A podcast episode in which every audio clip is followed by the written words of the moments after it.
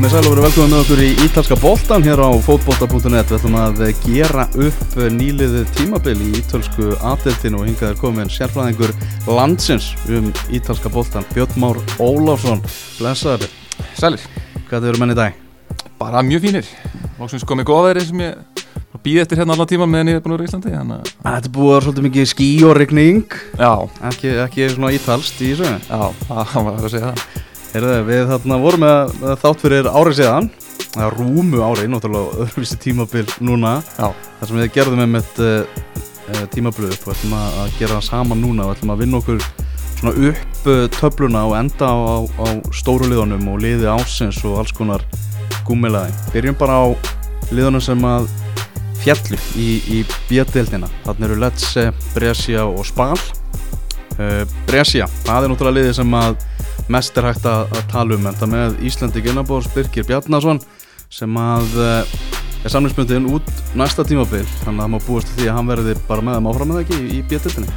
jú, ég er svona ekkert heyrt annað uh, og ég held að hérna, honum standi það alveg til bóða hann hérna, ég sá, sá hann spila mikið núna í, í vetur og hann, mér finnst hann alveg koma með ágætiskraft inn í þetta og leysa sitt hlutverk alveg mjög vel svona eins og hægt var að gera. Uh, Brescia liði náttúrulega leiði svolítið fyrir það að þeir gömbluðu öllu á, á eitt bretti í byrjun tímabils og tóku Balotelli. Já. og maður skilur svona alveg pælinguna bak við það.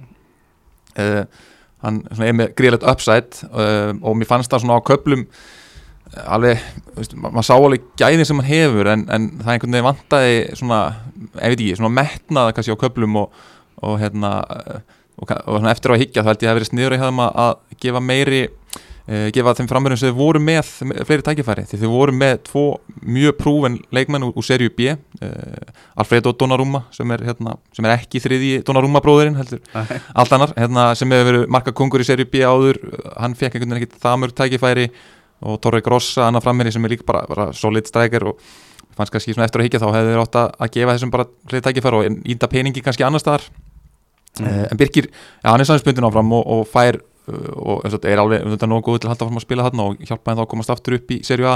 Ef hann fær þá ekki tilbúð frá serju A lið ég get alveg sé fyrir mér að lið í serju A eh, geti nýtt hann sem, sem skotleikmann sko, það var ekki spurning. Nákvæmlega, þeir bara, þeir falla hérna algjörlega sannfærandi og talar um Balotelli náttúrulega, það var náttúrulega enn og aftur bara allar fyrirsagnir varandi hann og hann og eigandinn hérna eitthvað að nýtast Massimo Salino sem er náttúrulega einn af þessum skrautlegu eigandum í ítalska boltanum fyrir um, fyrir um stjórnaformaða Leeds. Einmitt. Og það er bara telli ég náttúrulega þetta, orðspórans eiginlega svo fyrir hann því að hann kom og það var ekkit vesen á hann með byrjun. Hann bara, hann var ekki að skora nokkra leiki og þá byrjuðu þetta allir að svona hæðast að honum og hann, svona, hann er bara búin að grafa svo hún í hólu með hefðin sinni áður og svo þegar leið á tímabil og það var- útitt fyrir að þeir myndi ekki ná að bjarga sér þá byrjaði sér línu strax að að henda honum undir rútuna og reynda svona að því að hann, þeir eru með samningum að, samkoma lagum að hann, ef þið falla þá myndi samningurinn hans sagt, losna. Já, og þeir, um leið og lág fyrir að þeir myndu falla þá reynda hann að losa samningin og það eruðu bara svona ljótar eh, ljótar lögfræði deilur og, og hann útilokar aðeingarsvæðinu og, og, og, síðan sakar um að mæti ekki og, réttum tíma og svona, þetta, þetta var mjög ljótt en hérna, er ekki þetta Balotelli aventýri bara búið þú veist, hvað, hvað er næsta skref hjá honum? ég held að fari bara í næst eitthvað svona gr- grínlið sko, eða Já. eitthvað hérna sem hann fær mikla peninga á annar staðar, ég held að hann nenni ekki heldur bara að standa í þessu, þannig að hann, hann byrjaði tímabilið ekkit, ekkit svona hræðilega og, hérna, og hegðuna svona, í byrjun tímabilið var ekkit, það var engar fyrirsagnir að, það var engar fyrirsagnir að sækja til hans en, en hérna, hann bara, hann er að baka sér svo mikla óvild að Mhm. það einhvern veginn er bara komið svolítið út í hotn og, og það er erfitt að sjá hann vinna sig aftur upp úr því og, og bara hvort hann yfir höfu nenni því uh, og svona, Brescia heilt yfir hans það er náttúrulega með gríðarlega efnilega leikmann en það Sandro Tonali, tjúpur er svona kallaði nýji Pirlo spilar í Brescia eins og Pirlo gerði með síðahárið í svona djúpu leikstundandi Mm eitthvað sem að Pirlo svolítið eh, lærið þar hjá Brescia. Og hann mun sennilega fara í stórlið hann er, bara spurning hvert hann fer. Uh, Inter hafi verið orðaði við hann mjög lengi og, og mjög stert og mér svona líklegast að hann endi þar.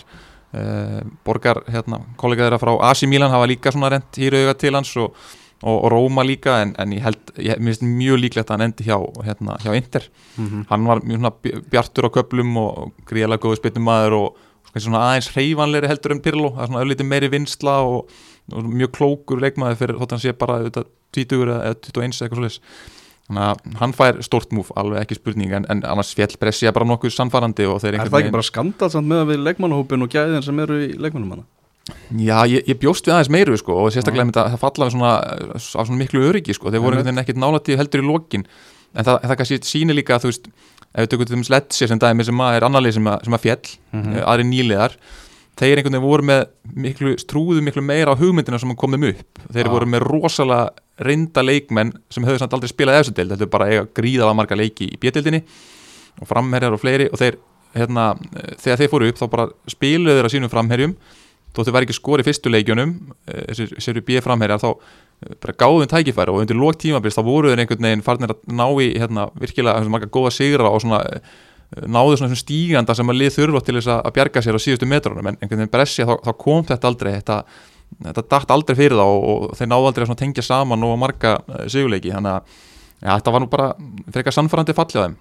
Mhm. og þeir í það liði sem fellur líka spal það var líka einhvern veginn þeir, þeir eru ekki nýlegar, þeir hafa verið hann náðu að halda sér í deildinni og einhvern svona ótrúlan hátt síðustu tvö ár. Já, en þeir voru eiginlega bara búinir að falla um í hérna í janúar og byrjaði að selja þeir seldu sterkar leikmi fyrir tímabilið að þess að segja nýja seldu aðal framherja sinn uh, í janúar til Napoli og, svo- fengar sinna láni aftur. Þannig að uh, hérna Petanja sem er svona langbesti leikmæður þeirra þannig að þetta var, spal var líka einhvern veginn þetta var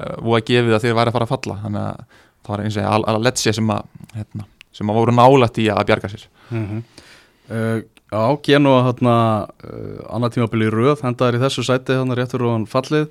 Og svo er það Torino menn það, það var ekki jafn, mikil gleði á þeim eins og var í fyrra. Já, þessi tvö liði bara eru bara auglustlega vombrið ásins mm. byrja ekki að hérna, Genoa en þeir eru með rosalega skrítin leikmannahóp, rosalega skrítin tímabil. Og það er alveg ótrútt að þeir hafi náða að bjarga sér því að bara, þessi, bara lélegasta liði sem að hefur náða að bjarga sér er frá falli síðustu árum sko, því að þeir, þeir voru einhvern veginn alveg hópless sko, og þeir hérna, byrjuðu tímabili með þjálfara skiptu honum út og tóku þá Tiago Motta sem var að þjálfa úlingalið hjá PSG sem kom inn með svona rosalega nýstálegar áherslur hann mm Mhm. var ekki aðdegli fyrir það hann vilji helst bara ekki spila með markmann sko, eitthvað svona af Guardiola skólanum og, og allt í hennu byrjuðu þeir að spila einhvern rosalega possession fótbolta sem að leit vel út á köplum en alveg jafn illa út líka Já. Svo var hann reygin eftir eitthvað 5-6 leiki og þá var, fengu þeir inn Davidin Nikola sem, að, sem bjargaði á endanum og hann er bara svona 4-4-2 og berjast sko. Og þetta er svona rosalega skrítin hugmyndafræði, engin pæling á bak við þetta.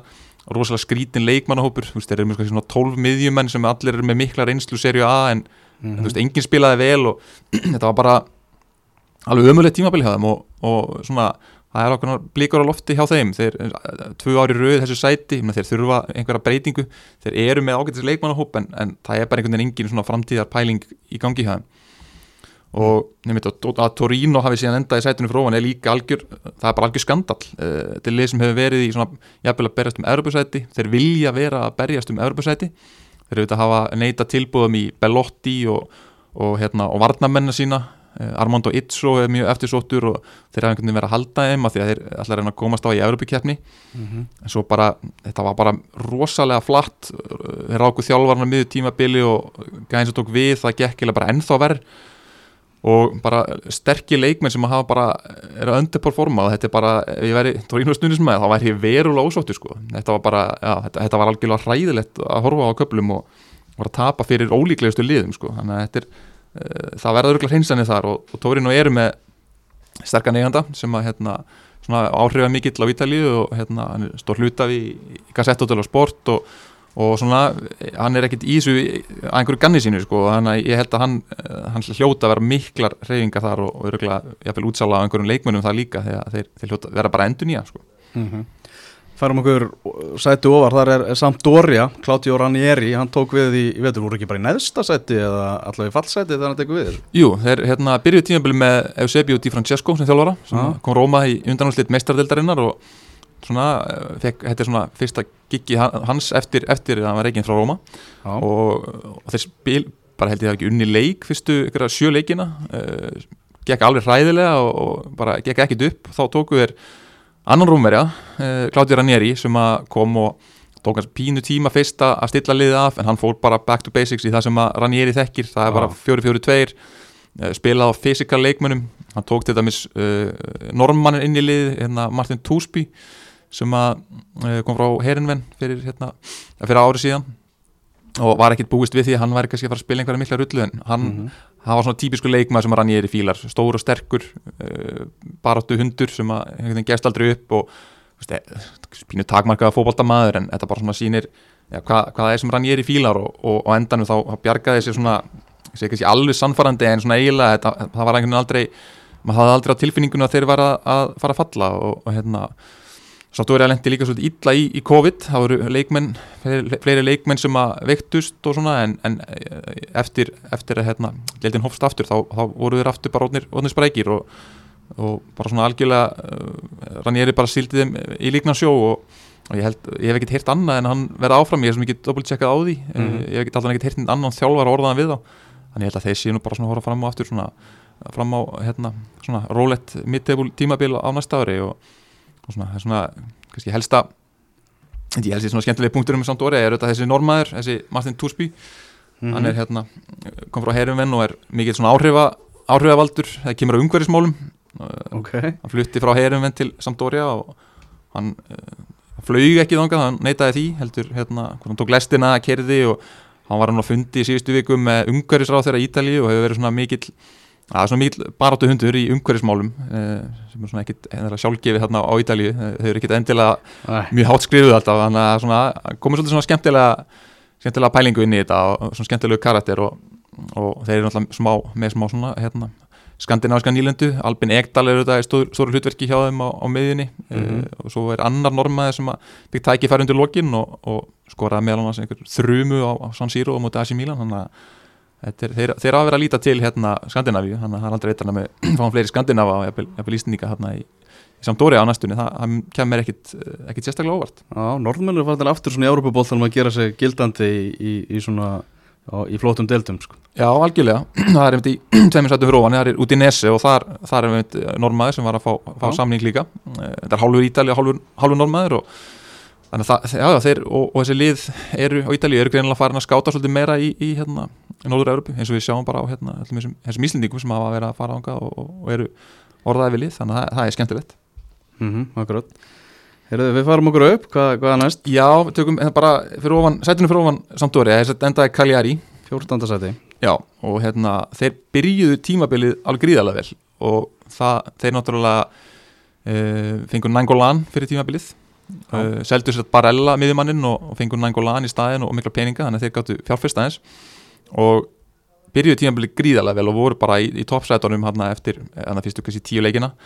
En svo voru, og að spila svona skemmtilegan, já, svona skemmtilegan boltaköplum og, og svo á Petro brasilski frammerinn, hann einhvern veginn ofta í stórkvæsli tímabil og, og skoraði ég veit ekki hvað, vel yfir 10-15 mörg mm. og hérna, en svo hrundi þetta svolítið og þeir voru svolítið að byggja þetta á gömlum leikmunum svona, eða svona eld, leikmunum í eldri kantinum eins og Nangolan sem er var, svolítið, var fyrir meðslum og þá hrundi leik, leikuleysin svolítið og, og svona, þannig að þetta dugði alls ekki á endanum og, og síðan tók við mjög lélögu kapli þessum á endanum þjálfarinn var reikin þeir voru nánast fættin að sóast nýri í, í fallbaratuna en svona fyrir hluti tímabils gaf, gaf mikla hérna, eh, mikla bjartsinni og, og mjög skemmtilegt lið á að horfa til að byrja með og, og ég held svona að þeir já það er ágætið spjartsinni þar líka held ég fyrir, fyrir næsta tímabil. Þeir eru með skemmtilega leikmenn og þeir ná að halda Nangolan sem er þetta, gríðalega vinsall þarna var þar áður en að fórt í Róma þessum tíma og og að vera með þannig leikmann í þessu liði er þetta bara algjör, algjör bónus sko, því hann á náttúrulega að vera í, í starra og betra liði.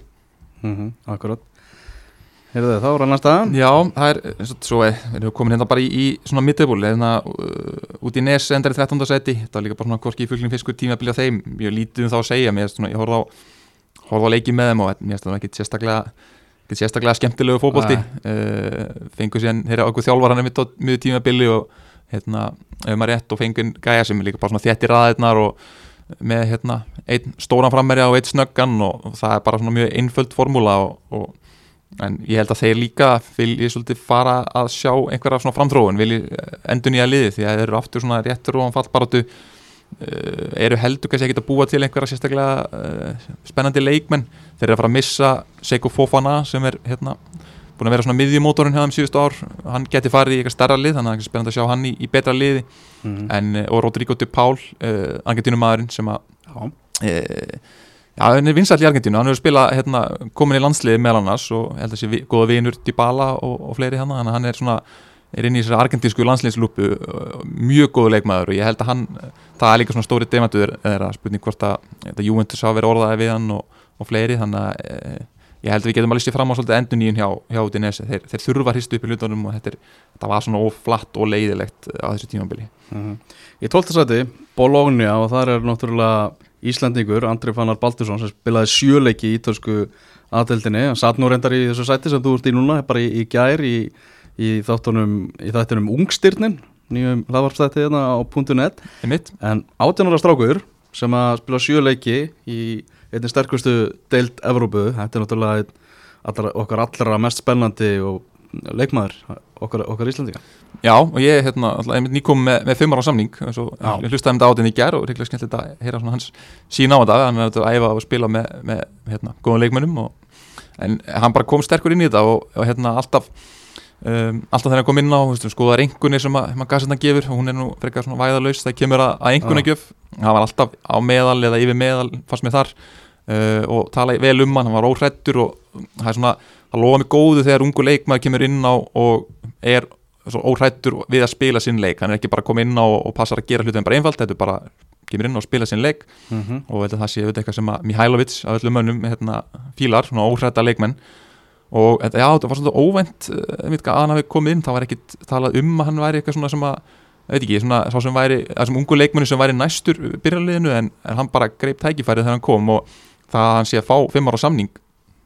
Og hérna skrifa undir það og, og svona hafi trú á þeir, því verkefni líka. Það hérna finnst mér bara lofa mjög góðu og hann er auðvitað mjög svona teknískur og góður í fókbalta og mm. það er ekkit sjálfgefi heldur að, að svona leikmenn frá, frá hérna, Skandinavi sé að koma og fá fimm ára samning út á svona fótballtalega getu og, og leikskilning og, og tækni sem eru svona hans styrkleikar. Það er oftast kannski að þau sé að líta til Skandinavíu til að fá leikmenn sem eru stóru og sterkir eða hafa svona aðra eiginleika sem að, sem að skortir á Ítalju Eh, það er náttúrulega að vaksa þessir teknísku miðjumenn bara á hverju strái sko, en hérna það, það, þetta er svona testament með svona hverju, hvað gæðum hann býr yfir og, og ég er mjög spenntur að sjá svona hans framþróun, hvort að hann fá það stærra hlutverk hérna næsta ári, eða ég veit svona ekki nákvæmlega hver er pælingi með hann en, en það hans ég gera fimm ára samning lofa góðu og, og Bologna hefur líka notað uh, unga skandinava, þeir voru með bæði Andreas Skov Olsen og Mattias Svanberg uh, Sví og Dani sem voru hana mm -hmm. á þessu tíðanbili sem báði fengum mörg tækifæri og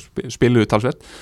Þannig að ég, held, ég er bara mjög spenntur að sjá hann á næsta ári og ég heldur ekki teirt annað en að Mihailovic verði áfram mm -hmm. uh, sem að, maður sem gána tækifæri þannig að það hlýtur að vera það besta í stöðunni. Nákvæmlega, það er ekki bara í þarna, þrjusu flottu umhverfi þetta Jú, Bologna er auðvitað klúpur sem er hérna, það er ekkit ruggl í gangi þar allan á þessa stundina, hérna, þeir eru ja. með hérna eh, kanadískan eiganda, kanadísk, kanadískan ítala sem að áliðið eh, sem að á talsvita peningum og, en, og er svolítið svona byggitt upp bara svona organikli sko, þetta er ekkit eh, verið að hlaupi til og hent peningum undir klukkan þetta er auðvitað rótgróðan klúpu sem hefur að titlu mikið um tíðina þannig að þetta er, það er saga aðna, það er hefð, það er það er svona okkur en ró, sami þjálfærin hérna þannig að ég held að hann sé bara mjög góðum stað og, og, eins, og hann hljóma líka eins og í Ítalíu bara hljóma ánaður og, mm -hmm. og fóru þetta til Bologna eins og hann sagði mm -hmm. því hann, hann leist mjög vel á þetta eftir að hafa heimsótt á, hérna,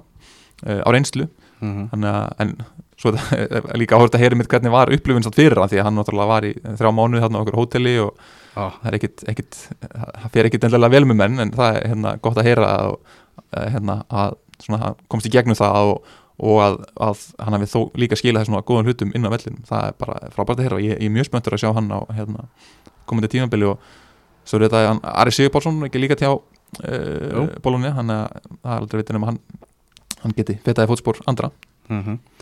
Uh, þetta að sæti uh, Parma, þeir endur í 14. sæti í fyrra og eru núna með 8 stögu meira heldur en þeir gerða á síðasta tímabili þannig að er ekki bara Parma svona hægt og róla að ná vopnum sínum og, og og verða kannski aftur svona þetta öfluga ítalska lið sem þeir voru á árum aður Jú, uh, þeir eru það í fyrra þá spiluðu þeir svona kannski ennþá meiri counterattacking fókbólta og ég talaði um það eftir, uh, eftir síðast tíum þeir þyrta svolítið að breyta leiksinum að, uh, að þú veist að þeir ekki bara að, að líka tilbaka og beita skýndisóknum eða alltaf stabilisa sig sem, sem liði í sériu að þeir þurfa mm. kannski að þróa leiksin aðeins og þeir gerðu það fannst mér heldur betur og þeir, það eru þetta stóra stjarnan er uh, Dejan Kulusevski sem þeir fengu á láni frá Atalanta fyrir tímabili mm -hmm. uh, bara þvílíkt skátt. Auðvitað var hann síðan núna seldu til Juventus og kannski kom betur en það á eftir. En sko þessi gæði, þetta er bara þetta er rosalegt að horfa á hann spila. Hann Já. er, hann, er, hann er með bara gjörsanlega allt. Hann er stór, sterkur fljótur með hérna rosalegan einhvern veginn fótbalta heila rosalega stabíl, uh, veist, réttar ákvarðanir og, og allt og svona vinnu sem, veist, hann, hann bara hefur gjörsanlega allt. Þannig að hann er búin að vera stóra stjarnan þeirra. Mhm. svo, svo er þetta með Gervinjó eh, sem hefur svona, komið með hraðan og, og skyndisóknar inn í liði þannig að eh, þetta er bara heilt yfir svona fínt tímabil hjá þeim. Um, þeir eru kannski, þeir eru kannski svektir að endi ekki aðeins ofar. Þetta var svolítið jaft þarna á miðri töflunni í lokin en hérna þeir kannski vildu vera aðeins nær nær Evropasætunum en ég held að það kannski aldrei verið alveg alveg raunhaft að ná Evropasæti en hérna en uh, þetta var bara heilt yfir fínt tímabil hjá þeim og svona aðeins skemmtilega að horfa á það núna í ár heldur en í fyrra og, um, en en þú vaknar spurningin, nú er Kulusevski að fara og, og hver, hver kemur þá í staðinn ætla þeir að treysta aftur á lánsmann eða eru þeir, ég sé ekki alveg kannski hver það er á svona ungum miðjumönnum sem að þeir miðjusóknarmönnum sem að ég að draga vagnin fyrir þá uh, þeir þurfa að gera eitthvað á markanum í sumar því að, að bæta upp tapið að Kulusevski á næsta ári það, það verður það verður erfitt Er möguleiki fyrir það að fá hann aftur? eða? Nei, ég, ég held að hann sé að fara bara að bila hjá Júventus sko, Já, ef ég að segja eins og þeir hann er er bara, hann á stig Já, ég held Já. að algjörlega og svona, það er þetta mikil óvissaði Júndis sem komið nú eftir og uh, veist, allt getur gest en ég, ég á mjög erfitt að sjá fyrir mér að hann sé að fara aftur á- eitthvað starf út á, á lán sko. Mhm.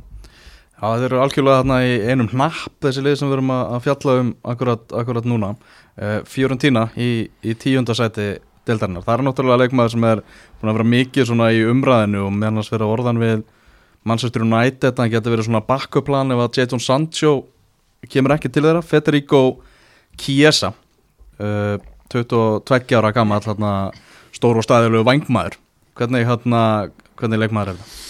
sko hann er ef að hérna, ég ætla að vona svona hérna, Fiorentina vegna að skátarnir frá Manchester United það hafa ekki verið að horfa á þetta tímabil Ah. Því að ef bara svo ég er út þá, þá var hann bara ríkalega vonbriði og ég bara eitt um stuðnismenn Fiorentina sem Okay. vildu bara ekkert sjá hann í liðinu hann undir lokin sko. hann er auðvitað mjög, mjög góður fótballtamaður uh, en hann líður kannski svolítið fyrir það bæði taktíkina, hann var að spila svona vang bakvörð, vang Ok. kantmann hjá þeim sem að hendar hann kannski ekki hann er, en, en, en samskap, það veit kannski ekki nákvæmlega hver er besta staðan hans og hann er einhvern veginn svona frekar góður í öllu en, en skorti kannski svona endprodukt og, og skot og svona, hann, átti bara alls ekki gott tímabil.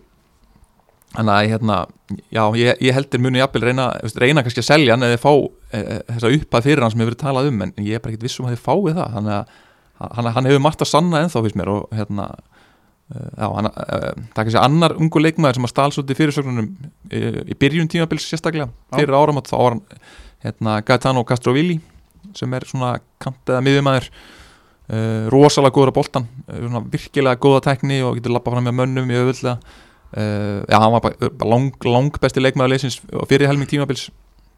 Ég held að hann frekar sér svona leikmaður sem þeir geta hort á að reyna að selja þeir allar reyna að fá inn einhverja peninga.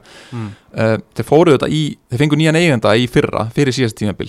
Uh, bandarískan miljónamæring sem, sem á mikla peninga og, og kemur með þetta klassiska hann vil byggja nýjan völl fyrir þá og, og hérna, þeir keftu þetta Frank Ribery uh, fyrir tímabili líka. Uh, sem að var höfst svolítið meittur en þegar hann spilaði þá verður þetta hann er alltaf verið leveli heldur en margir leikmenn hana mm en það er, svo, svo var þetta tíma bara, samt bara mjög slægt og uh, ég, ég, og þeir það miðar ekkert áfram með hennar völl frekar en nokkurn annan völl sem að er verið að reyna að byggja á Ítalju ah. Þannig að þetta, þetta er svona vonbreiða tímabil og, og svona stuðnismenn fyrir tína er einhvern veginn ekkit, ekkit vola spenntir fyrir framhaldinu. Þeir, þeir sjá ekkit fram á að þeir sé að fara að kaupa einhverja spennandi leikmann þeir eru, það er ekki sé aðalega eitt leikmann sem þeir eru búin að kaupa núna fyrir næsta tímabil frá, frá Verona sem enda hefndi sætinu fyrir ofan sem Mhm. heitir Sofian Amrabat.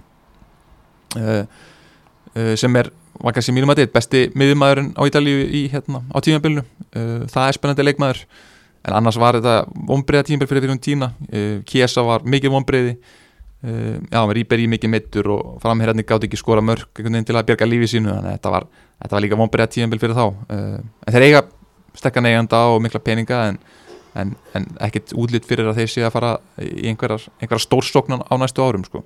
Mm uh, Verona endar í nýjönda sæti sem nýliði í, í deltinni Já, þetta var klálega spúkninglið ásins uh, Þeir kom upp, uh, þetta var kannski það lið af þessum liðum sem kom upp sem að ég bjóst við að er því mestu, mesta baslinu uh, Ég held þeir að við komist upp með þessi gegnum umspilið uh, ég, ma ég maður ekki alveg mm. en þeir spiluðu virkilega flottan bolta Ivan Juric, þess að þjálfarið þeirra fyrir um leikmaða Genoa hann, hann er svolítið svona af Gasperini í skólanum og það er bara mjög augljóstu og horfur á liðið að þeir, þeir halda bolta, þeir svona, sækja að byggja upp flotta sóknir uh, raða á köntunum og bara mjög skemmtilegt lið á að horfa. Kannski svona skemmtilegasta liðið í deildinni svona eftir Atalanta fannst mér. Við mættu Juventus og bara yfirspiluðu á köplum og, og einhvern veginn nokkri spennandi leikmenn og, og sérstaklega þessi, þessi Sofjan Amrabat sem að Fiorentina búið að kaupa. Þetta er, hann átti einhvern veginn stórkvæslega tímabil og svona um, hann, hann á stóra bróður, þetta er ekki þessi Amrabat sem að að spila í, í Premier League sem ég kannast við, þetta er þetta held ég yngri bróður hans Mm mm. leikmann sem er uppalhætti hjá í Hollandi, það var í Ajax en já, hann er svona virkilega bara einna leikmannum ásins og, og ég bara ég liði ásins hjá mér hérna á eftir og uh, hann var svona stóra stjarnan og, og verið óna bara ég held að þjálfarinn sé líka orðin eftirsóttur eftir þetta Já. uh, ef, að- ef, að leik- ef að önnu lið vilja fara þessa Atalanta leið og, og svona spila og, á ungum leikmönnum og possession fótbolta þá held ég að Ivan Juric eða sé svona fyrsti leik, þjálfarinn sem að, sem að lið horfa til rannar mjög efnilegur hafsend líka sem heitir uh, Albani sem heitir Kumbula sem er, ég held að sé 18-19 ára sem var hendin í byrjunulið og, og spilaði bara eins og eins og gaman reyndur hafsend þannig að sem er svona leikmaður sem að stóru liðin, ég veit að stóru liðin er að horfa til þannig að þetta var algjörlega bara stórkvæmstlega tíðumbel hjá Verona og, og, og bara eins og ég gaman að fá upp svona lið sem að, sem að byggja þessari hugmyndafræði að, að spila boltanum og, gera það vel -hmm. Talandum um að eftirsókn að verða þjálfara uh, færum, færum okkur upp í Sassuolo, það sem ég sá af sá ykkur á nokkra leiki með Sassuolo á þessu tímabili, stór skemmtilegt fótballtalið þegar þeir ná upp taktinu sínum bara geggjaða sóknir og, og þeir eru með ungan þjálfara sem að ég trú nú ekki öðru heldur en að að sé undir svona smásjá stærri félaga. Já, það, hann auðvitað var orðaður aðeins við hérna, að ég er alltaf orðaður við þessa stóru klúpa þegar losna Já. þjálfarastaða var aðeins orðaður svona við, við Juventus en það var kannski ekki hann er kannski ekki alveg sínt svona sigur sigur hefðina, þú veist, hann hefur ekki þjálfa stórlega áður eða unnin eitt sem þjálfari Mm. en uh, svo solo er þetta líka svona sérstatt lið, þeir eru með, lið með mikla peninga baka sig, forríkan eiganda sem reyndar lést núna árinu en hérna, mann er svona spurning hva, hvort, hvað þýðingu það hefur, hvort að fjölskyldan sé að fara að halda áfram að, að svona að eigða peningi í þetta og þetta var algjörð svona pet project hjá, hjá eigendanum Squincy en þeir byggja líka á hugmyndafræðin á bara ungum ítörskum leikmönnum uh, miklu leiti og að spila bolta. Og til Serbi þjálfari hann, hann er svona Guardiola hugmyndafræðingur. Mm -hmm. hvort það sé einn af þessum sem er alltaf að tala um sem að fór í brúkursferðinni sinni að horfa æfingar hjá Barcelona eða eitthvað álíka sko, þetta er svona Já. þannig típa. Uh, og hefur einhvern veginn fengið algjör, algjörna vinnufrið til að bara byggja upp þetta Sassuolo-lið og, og það, er, það er líka, þetta er annar lið sem er mjög skemmtilegt á að horfa með eldsnögga unga leikmenn fram á við uh, þá kannski sérstaklega fyrir um Chelsea leikmaðurinn Jeremy Boga sem að er svona kannski helsta stjarnaðir í ár uh, leikmaður sem er voru með á láni frá Chelsea með eitthvað, option og þeir eru heldur búnir að kaupa hann uh, og, eru að líta til þess að selja hann einhvern tíman í framtíðinni. Uh, hann átti frábært tímabil og skoraði nokkuð mörg þar sem hann einhvern veginn bara tekur, tekur á þrjá fyrir leikmenn og hamrar hann upp í vingilinn. Þannig að þetta hasi svona hot, hot transfer uh, potential fyrir stóru liðin og síðan bara fullt af skemmtilegum leikmönnum. Þeir eru með Locatelli í miðjumannin sem að uh, sló í gegn fyrst hjá Asi Milan fyrir nokkrum árum sem 18 ára ungur efnilegu miðjumæður uh, og svo svona settu meðisli svolítið strikið reikningin og hann endar hjá Sassuolo og þar hefur hann verið svolítið að, að svona ná ferlinum aftur í gang og er núna síðast orðaður við Juventus. Það er, veit ekki að ég alveg hvort hann sé með það level en, en virkilega góður uh, svona ballplaying miðjumæður og já, bara svona skemmtilegt lið en, en að samanskapi lið sem er ekkit kannski að fjárfesta eitthvað þannig að þeir séu að komast í Evrópu. Uh, þeir eru kannski svolítið bara svona á þægilegum stað þeir enda hann í áttundasæti rétt fyrir neðan Evrópusæti. Um, þeir hafa einu sinni komist í Evrópu uh, Europa League umspil og, og ég held að þeir sé bara svolítið á sínu stað þar en, en þjálfarin er, er spennandi og, og það er kannski aðalega að hann fara að sína það að hann geti farið langt með liðið í byggar eða eða unnu stóru liðin, það voru kannski stó, stóru leikinir þar sem að lið, liði fjallsáttu á prófinu þegar var oft tapa stórt fyrir Juventus þetta mis og fleira þannig að það er svona en, en mjög spennandi þjálfari og, og einn af þessum svona eftirsóttu þegar framlega stundir mm -hmm. Það voru við komnir í, í, í stóruliðin á, á Ítalju, top 7 svona ákveðin gjá hann að milli 7. og 8. sætisins 7. sætið og, og verða í Evrópadeildin á næsta tímabili sem byggamestarar, það eru uh, Napoli menn, þetta voru umtallega það voru vindar alveg sem að blésu hjá, hjá Napoli á, þessu tímabili þjálfvara skipti og svona. Já, þeir eru hérna, það var Angelotti sem að byrja eh, hóftímabili með þeim. Það er svona gleimis kannski svolítið, það er svo langt síðan. hérna, hófst og margt sem hefur gert, gert síðan þá bæði hjá, hjá Napoli, auðvitað átni byggameistarar og, og hjá, og hjá okkar manni að Everton, en hérna eh, já, þetta byrjaði ekki, einhvern veginn ekki vel mm. þeir bara einhvern veginn ekkert sem small þeir fengu tí, fyrir tímabilið Kostas Manolas miðverð frá Róma og hann og Koulibaly þetta ættu að mynda eitt besta miðvarðarpar deildarinnar en svo var bara Koulibaly mittur og þeir voru að spila með einhvern bakverð í hafsend og, og, og gekk bara ríkala ítla hjá þeim og, og allt fór í háa loft uh, það voru leikmenn sem vildu fara uh, og það var ákveðin uppreysn í klefanum uh, Fossettinn ætlaði að róa það og sendi svonsinnir í klefan til að eitthvað, segja mönnum aðeins hver það er sem ræður og þá uh, einhvern veginn réðust er að honum og kalluðu hann pappastrák og sögðu honum að trulla sér í burtu og og ef það er eitthvað sem uh, Díla Aurentis fósiti fyrirgefur ekki þá er það svona hegðun.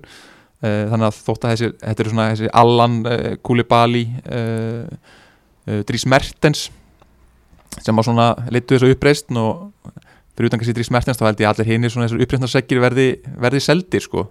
En síðan kom Gattuso inn sem þetta hefur verið svona bastli með sin þjálfara feril, hann hefur aldrei einhvern veginn já, hann aldrei náð þessum árangri sem að hérna, hefur ætlast, verið ætlast til af af honum. Mm -hmm. en honu tókst einhvern veginn að vinna á sitt band og búa til smá svona stemningu í klefanum. Uh, menn voru fannir að berjast fyrir einhvern annan. Uh, þeir keftu auðvitað hérna uh, líka nýjan miðjumann á, á tímabilinu Diego Demme sem kom inn, fengur svona nýtt fest blóð. Leikmenn sem voru tilbúinu til þess að hlusta á Gattuso. Og þessi Diego Demme sérstaklega, hann, hann var frábæra þessu tímabili og í þessum þessu byggarrönni hjá þeim. Uh, myndi skemmtileg saga hann, hann heiti Diego Demme og skýrður í höfuð á Diego Maradona. Pappans var svo mikil hérna, Maradona aðdáðandi ah. þannig að þetta er bara, bara einn fallegast að saga tímanbilinsins að leikmaði sem er skýrður í höfuð á Diego Maradona fara til Napoli og vinni títil með þeim. Það, þetta er svona, á, ah. þetta gerist ekki falleira okay. uh, en já, annars Svo annars er held ég hreinsunum framundan þeir ætlar hann að selja leikmenn til að losa, losa um peninga. Uh, Fer Kúlibali loksins? Ég segi loksins, hann er búin að vera í hverjum einast held í Powerhead slúðupakka og fókbóta.net undan farin fjögur ára eða eitthvað. Já, já, ég held hann farið núna. Ah. uh, bæði þessi, þessi svona uppreist og, og hann kannski fæði smá pening fyrir hann núna. Hann er aðeins að eldast og áttu kannski, áttu kannski alveg sitt besta tímabill en, en er samt að mínum að deyð kannski besti hafsend deldarinnar á, á góðum degi. Mm -hmm. uh, þannig að hann verður seldur og, og Allan er alltaf orðaðið við PSG jafn mikið. Uh, svona stóri postar en, en þeir munu síðan fjárfyrsta fyrir þetta aftur. Gila Rentis er þetta þannig eigandi hann er ekki henda sínum pen, eigin peningum í það lið. Þannig er að byggja þetta svolítið upp bara á, á sölu og leikmönnum. Uh, þannig að þeir er alltaf að selja 2-3 stóra leikmenn og, og farið svolítið endur nýjun það getur auðvitað brúið til begja, begja vega en ég er ekkit vissum að endilega við hóum að sjá Napoli í toppslag á næsta ári. Uh, þeir eru auðvitað líka með eins og eitthvað Túso sem þjálfara. Hann, hann er góður svona að berja liði saman og, og svona láta að berjast fyrir einhvern annan en hann hefur ekkert kannski verið þekktu sem einhver svona hugmyndafræðigur þegar það kemur því hvernig liði er að spila fólkvölda ah. og liði er svolítið ennþá að spila á þessu DNA sem að Sarri uh, byggði inn í liði fyrir 3-4 árum síðan. Sem leikmenn voru að finna einhvern annan bara blindandi vissur alltaf að Kari Hón myndi mæta á fjárstungin alveg sama hvena sendingi kemi Kari Hón er að fara og, og þeir eru búin, algjörlega búin að endun í að miðunum á sér. Að þetta svona þessi, þessi léttleikandi leikstíl hjá þeim er einhvern veginn svolítið að fjara út og þá hafa spurning hvort þeir þurfi ekki einhvern svona ungan eins og De Serbi eða eitthvað til að svona aftur byggja upp svolítið svona hugmyndafræðan hvernig þið vilja spila boltanum. Því að eitthvað þú svo er ekkit endilega með það. Næ, við fáum, við fáum þetta svona þetta skemmtilega Napoli liðundir Sarri þetta er svona líðundir lók Uh, þannig að ég er, ég er svona ekkit endilega vola bjart að þeir verði hérna svona alveg í topparatunni á næsta ári. Mér er svona ekkit, ekkit mjög margt sem að bendi til þess eiginlega. Mm -hmm. Í sjötta setinu það er náttúrulega leið sem á marga aðdáðandir hér á, á Íslandi, AC Milan sem að alltaf svona verið að býða eftir að ná einhvern veginn að bara komast aftur í með bestu félaga Evrópu þar sem að, þar sem að náttúrulega þessi klúpur á algjörlega heima hvernig er bara staðan akkurat á AC Milan? Er eitthvað, geta stuðnismenn einhvern veginn látið sér dreyma um að sé betri tíð í vendum hjá þeim? Já, þetta er náttúrulega mjög sérstakt tímabil. Uh, þeir byrjuðu þetta hérna, uh, tímabili með Marco Giampaolo sem þjálfara. Og Já. þegar þú ræður hann sem þjálfara þá, þá er það einmitt til þess að byggja upp ákveðið spil. Því hann, hann er svona mjög góður að, hérna, að láta liðin spila fallega fótbolta og með svona skýra fótbolta hugmyndafræði hann var reygin eftir tíu leiki og síðan fórum menn að rífast sína á milli í, í stjórninni þarna þar sem Pálu Maldini og, og Bobban og, og fleiri eru, er að stjórna. Alveg verið kallar. Já, já, og svona hátti þags og mikið, mikið tekist á fyrir, fyrir opnum dyrum í fjölmjölum Já. uh, og þú veist Maldini auðvitað góðsögn í Mílan en hann er ekkit, ekkit vinsall meðal allra, það er svona ákveðin hópi stuðnismanna sem, að, sem, að, sem að hefur svolítið hotn í síðans að hvaða ástæði sem, að, sem að það er. Uh, og þeir eru rosalega, eða voru rosalega ósamála um leiðina áfram. Uh, einhverju vildu ráða Ralf Ranník frá hérna, Leipzig, eða svona hugmyndafræðinginu bak við Leipzig. Mm. en uh, og, og þá fá, mitt byrja þá aftur á ungun leikmönnum og svona byrja svona uppbyggingafasa og meðan svona aðrir vildu fara svolítið svona við erum stórlið leiðina og, og halda áfram að reyna eða svolítið peningum og, og kaupa, veist, hugsa bara við erum aðs í Mílan, við erum ekki að fara hérna, taka inn einhverja kjúklinga og reyna að keppa við Sassol og um það hvort liðið er krútleira og spilar einhvern veginn falleiri fótbolta. alveg. þannig að þetta voru svona mikið tekist á um það og svo, svo, svo rekaði Gianpaolo og ráða hérna Stefano Pioli og fá síðan Slatan hérna í januar svolítið óvænt og, og algjört svona wildcard, það vissu þetta engin hversu mikið kraft Slatan myndi koma inn í liðið. Mm en hann bara því, eftir því sem leið á, á tímabili þá hefur hann auðvitað bara fengið starra og starra hlutverk og í lokin var hann auðvitað bara, var liðið fara að spila það vel og hann var svona búin að já, komið svona sigur, sigur við að hugafar inn í liðið uh, þannig að, að hérna að þeir eru búin að ráða Stefánu Pjóli áfram sem þjálfara og er ekki að fara að ráða Ralf Rannik hann virðist bara, ef eftir að skrifa nafnins þetta blað og þá var hann bara komin í, djópið. Já, en svo, svo fer hann í eitthvað stríð við, hérna, við Slatan Slatan fer, spurði bara í fjölmjölum Mm. hver er þessi Ralf Rannik, hann vissi ekkit hver það var að hans sögn og þá, veist, og það er svolítið svona power move þá, þá þarf Asi Milan að velja e- ætlum við að fara þessa Slatan leið á hann áfram kannski og, og, og svona er hérna að kaupa posta í liði sem að vantar Mm. eða ég var að fara þess að Ralf Rannik leið og, og þá greinlega var þessi Slatan leið von á þegar ég get ekki séð þetta neitt öðruvísi heldur en að hann verði þarna áfram Mhm. annars, þú veist, Pioli er fyrir þjálfæri og allt það en hann er aðalega held ég bara eh, hlýðir Slatan og, og, hérna, og treystir Slatan og ef Slatan, ef, ef að Pioli er ráðin áfram þá þýðir það að Slatan hefur fengið fram vilja sinn.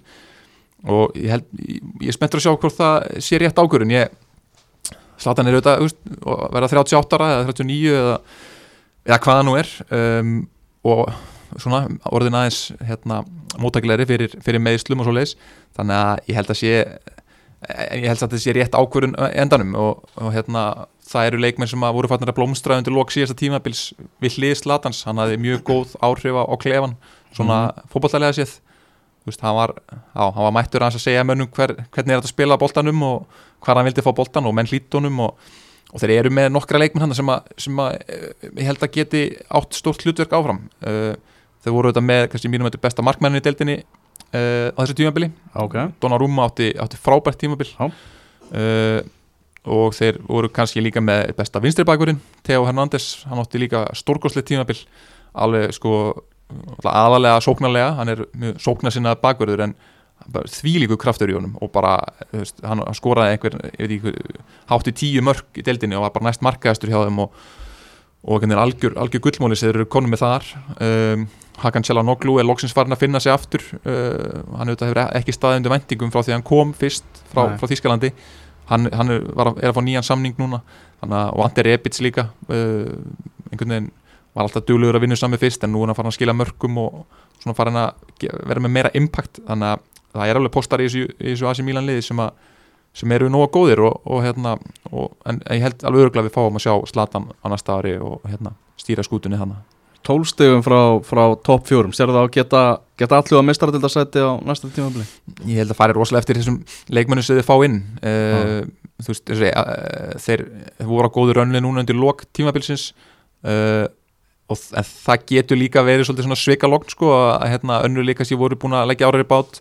Við erum að tala um AS Róma sem var að keppa við á. Ég meina þeir, þeir voru búin, búin að missa af meistaraldarsætinu, það voru fullt af liðin sem höfðu kannski ekkert mikið að spila fyrir þannig að þetta er, þetta er líka uh, höfst, við erum kannski aðeins að líta til þess líka ef að, hvað gerist ef að Slatan meiðist eða, eða fyrir fílu eða, eða hérna, Boban Maldini fer, e, það verður einhverjar nýjar vendingar hérna og, og allt í nú kemur Ralf Ranník eða eitthvað, veist, það er margt sem getur klikkað að ég heldur verða áfram á svipuðum stað, ég, ég sé það kannski ekki alveg taka skrefið upp á næsta level með, með Slatan, hann er kannski ekki alveg það impact sem, að, hérna, sem þarf til að taka þessi þetta, já, þetta tíu stiga tólstiga skref sem þið þurfa mm -hmm.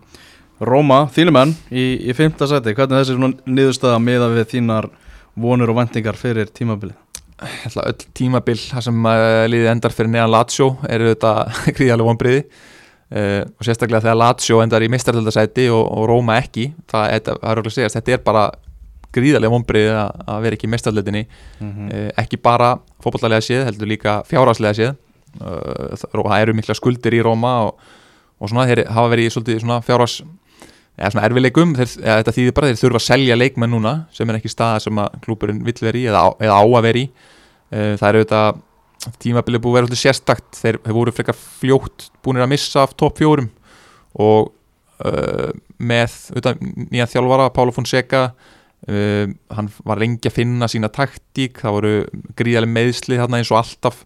Það var tvö slitin crossbund allavegna sem er kannski mm -hmm. bara minna heldur reyndar heldur eða venjulega en, en þetta er allt og mikið og já, svona heilt yfir vonbreiða tímabil verður að segja en núna bara fyrir tveim viku síðan þá er, er komið ný, nýr eigandi nýr bandaríkja maður sem ja. er að kaupa liðið uh, en, en annar svona ítalskur amerikani sem að uh, hann er hérna Frídkin sem að kaupa liðið á, á Jim Palotta og en ég veit ekki svo mikið við hverju á að búast þar heldur þeir eru að reyna að byggja völlið sinna áfram og eru þetta komin með öll tilskilinleifi en það er alveg sama einhvern veginn. Þetta er að byggja völl í, á Ítalju eða í Róm sérstaklega, þú stingur niður skoblu og þú rekst í eitthvað fonthóf eða musteri eða eitthvað. Og það eru mættar einhverja tíu nefndir sem að ætla að stoppa bygginguna og, og svo þarf að borga pening undir borðið hér og yfir borðið hér og þetta er, svona, þetta er bara mjög erri staða. En eh, heilt yfir mikið vonbreiða tíðanbill það eru kannski þeir kaupa ekki Smáling sem var eitt besti leikmaður þeirra á tímabilinu uh, hann fór aftur til Manchester United og, mm -hmm. og þeim finnst vermiðin á honum og hár eh, annar svona leikmaður sem var góður á tímabilinu það er auðvitað Nicolás Sanjólu það er, það, svona, það er ástæðan fyrir því að, að stundins með Róma vakni á mótnana, jafnvel með smá brós á vör sko. það er þessi leikmaður og eins og staðan er núna eftir þetta tímabil þá er einhvern veginn það sé svona eina vonin hjá Róma, eða eina svona bjarta vonin eh, það er hann og hann er einhvern veginn orðin það svona, já, svona, það fallir saga og, og skemmtilegur og góðu leikmaður að, að basically ef að nýju fósettin selur hann ekki þá er hann strax komið með smá velvild því að þeir þurfa að selja leikmenn og þeir eru sennilega að fara að selja Cengiz Under, eh, Tyrkjan unga mm -hmm.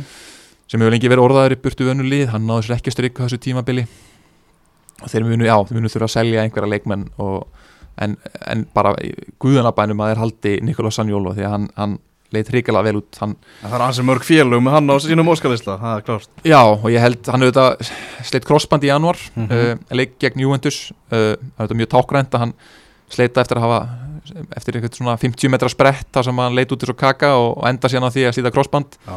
kom tilbaka núna út af COVID COVID hjálpaði hann með þetta mjög mikið því að mm -hmm. honum var ætla hlutverki að byrja í Ítalska landsliðinu á, á EM 2020 mm -hmm.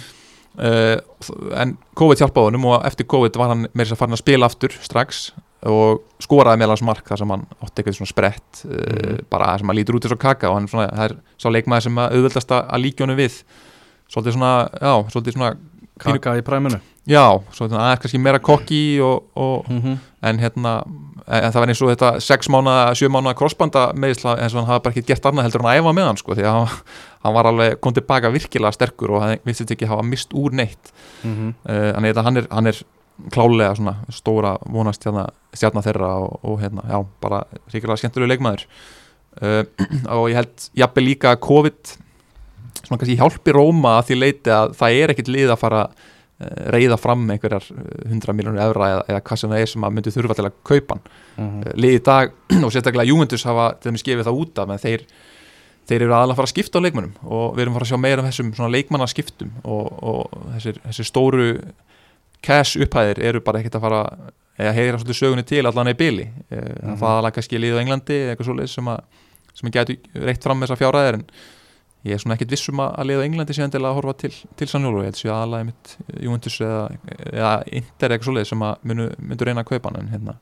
já, hann er svona bjarta stjarnan Róma þessu, þessu tímabili. Mhm.